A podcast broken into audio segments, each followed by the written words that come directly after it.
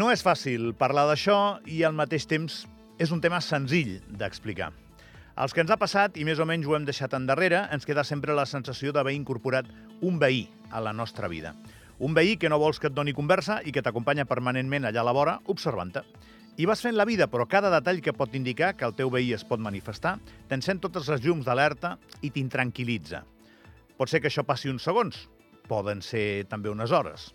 O pot ser que el teu amic invisible, que només el veus tu, s'apoderi de la situació. Això voldrà dir que has de tornar a demanar ajuda professional. No sé si em seguiu, no patiu, no, no us atabalo més, us dono més detalls. Us parlo de la malaltia mental més corrent en el nostre entorn, la depressió. Avui en parlarem al programa. Demà és el Dia Mundial de la Lluita contra la Depressió.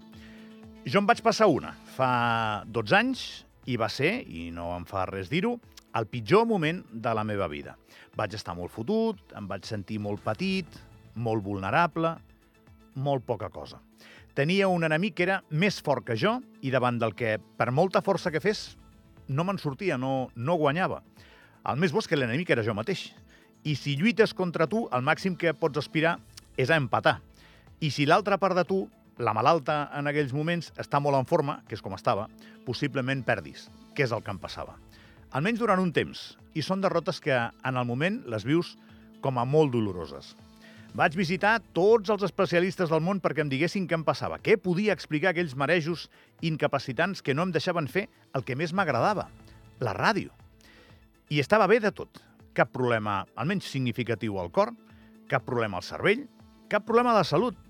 Però no tenia salut. Un dia, després d'un ingrés hospitalari, un ingrés hospitalari, eh? que vaig entrar a l'hospital a 200 pulsacions. La doctora Vidal, no me n'oblidaré mai de, del seu nom, em va dir hauries de demanar hora al psiquiatre. Me la vaig mirar i vaig pensar, jo?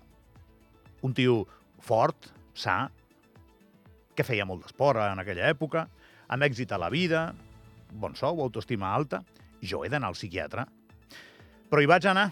Les cares de la meva família em deien que ho havia de provar. Vaig fer teràpia, em van donar química i vaig estar de baixa un parell de mesos.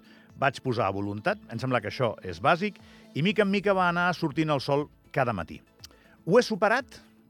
Suposo que sí, però mai ho superes del tot.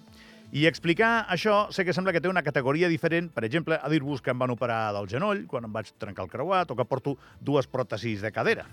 És així, sé que té una altra categoria. La malaltia mental encara ens fa una mica de respecte. Ho puc entendre, però ho haurem de combatre amb normalitat, informació i testimonis, com el que estic fent jo ara mateix o el que farem avui en el cafè.